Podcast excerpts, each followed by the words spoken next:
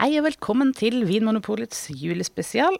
I dag skal vi snakke om drikke til juletorsk. Velkommen, Niklas Lundmark. Takk for det. Eh, vi skal altså snakke om den eh, retten som kanskje er mest forbundet med Sørlandet i jula. Derfor syns jeg det er viktig å ha det med. Ja, Er det, en, er det liksom litt myte at de på Sørlandet spiser torsk på julaften? Eller? Nei, det er det ikke. Nei. Men det er eh, mange som ikke gjør det òg. Ja. Men den, de som spiser det, Ja. det er veldig strengt at den torsken må være slakta på julaften. Oi. Da må vi fiske den sjøl, da. Ja, det er Ja. mange som gjør det. Ja. Tenk det er luksus, da. Ja, det er luksus. Ja, men, eh, men du, er, du er ikke vokst opp med fisker. det? Nei, jeg er ikke det. Dessverre. Men vi har det alltid i løpet av jula. Ja. Eh, og da er det jo gjerne en sånn Den klassiske måten å servere denne torsken på, er jo at den er kokt eller trukket. Mhm. Eh, og den serveres jo med smørsaus. Ja. Det er jo ofte Sandefjordsmør eller en sånn type smørsaus. Kan man servere Sandefjordsmør i Kristiansand? Går det, er det innafor? Ja, det er faktisk innafor. Det har spredd seg. Ok, fint. Og så er det jo lite tilbehør sånn, som er veldig smaksrikt. Sånn, Sammenligna med de andre julerettene er det en ganske mild rett. Det Ja, eller poteter, kanskje noen kokte gulrøtter eller noe Ja, sånt. Ja. noe sånt. Eh, og det tenker jeg preger drikkevalget på den måten at du kan dempe det litt. Du bør ikke, du bør ikke gønne på med de der svære smakene. Du kan gå for det litt mer sånn her eh, nyanserte og, og subtile. Mm.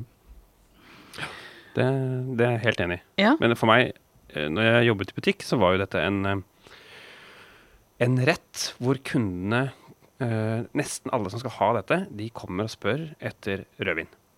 ja. Men ville det vært ditt første valg?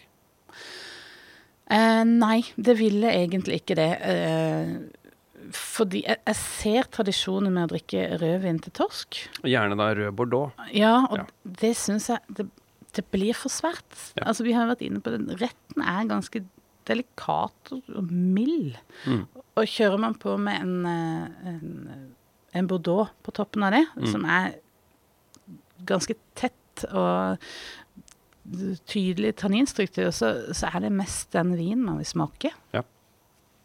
Men, eh, men det må jo være velge. Men det er jo i hvert fall det som vil bli resultatet, da. Mm.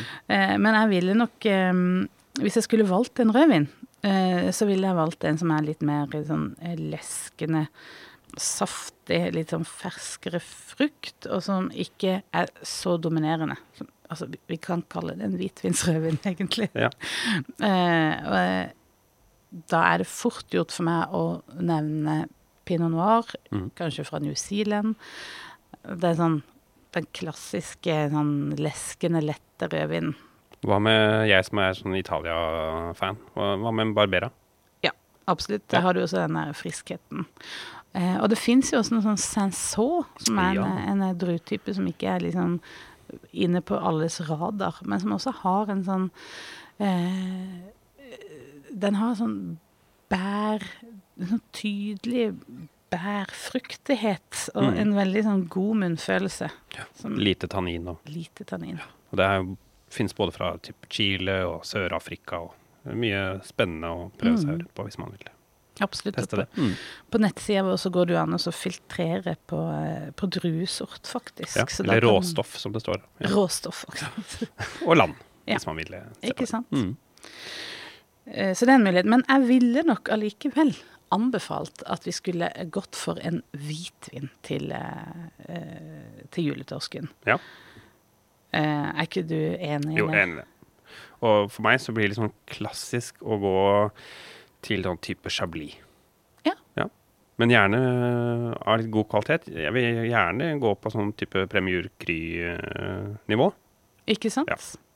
For Fordelen med det er jo at du har masse konsentrasjon, men den er ikke sånn overtydelig fruktighet. Det er ikke som en Riesling som bare liksom roper ut av fruktighet. Her er det mer sånn dempa. Det er mer sånn sitrus. Det er kanskje litt mer sånn røykpreg. Noe eh, litt fatpreg er helt fint til Ja. en smørsaus som spesiell. Mm. Og gjerne sånn bermepreg, som er Ja. ofte er. Mm. Sånn fra lagring på gjærrester. Mm.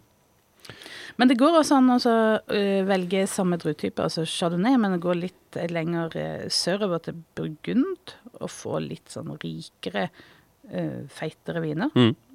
og igjen spille litt opp mot denne her eh, smørsausen. Hvis vi skal gå på noe helt annet drue enn chardonnay, da, hva, hva kan vi prøve da?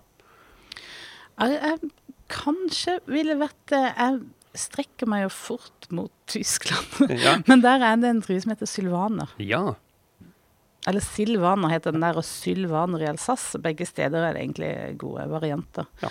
Som også har liksom mer dempa fruktighet. Ikke like høy friskhet som en, eh, som en Riesling, kanskje, men som har litt noe sånn litt jordlig. Som legger seg fint under, eh, under fisken. Spennende. Eh, hva med øl og akevitt, da? Eller akevitt er jo kanskje ikke Det er jo ikke noe vi har til denne retten her. Det er jo ikke noe vanlig. Men øl er jo mange som eh, Ja, vil ha i jula. absolutt. Eh, og her er det jo eh, Vi følger logikken med at det er mild, eh, forsiktig rett, egentlig. Men har jo fedme, og man blir jo mett. Ja. og eh, da ville jeg kanskje også valgt en, et lysere øl. Mhm. Hva med et hvetøl? Jeg tenker hvetøl kan være godt, spesielt hvis man er veldig glad i hvetøl. Ja. Eh, den kan, noen ganger så kan hvetøl være vel aromatisk, sånn at du liksom hopper opp med koriander og Mm. skumbanan, holdt jeg på å si. Men, men eh, det kan også være litt sånn dempa hvete, som bare eh, ja, gir en sånn krema munnfølelse. Ja. Det lages også juleøl på, som hvetøl. Så det fins noen spennende varianter der, tror jeg. Ikke sant? Mhm. Men også pils eller eh, Eller en pale ale eller noe sånt som er Pale ale er jo litt mer fruktig, men det, det kan også være godt, det, altså. Absolutt. Eh, jeg syns kanskje det viktigste valget, drikkevalget man tar i løpet av jula, er å sørge for et godt alkoholfritt valg. Og det er jo også veldig gode valg. det er sånn akkurat som det blir liksom nedprioritert, for det, det fins jo så mye godt der òg. Eh, og til en eh, juletorsk så tenker jeg en limonade. Det er litt sånn logisk. Det er akkurat som man strekker seg etter den der sitronen og skviser over fisken. Mm. Eh, det er også godt å ha i glasset.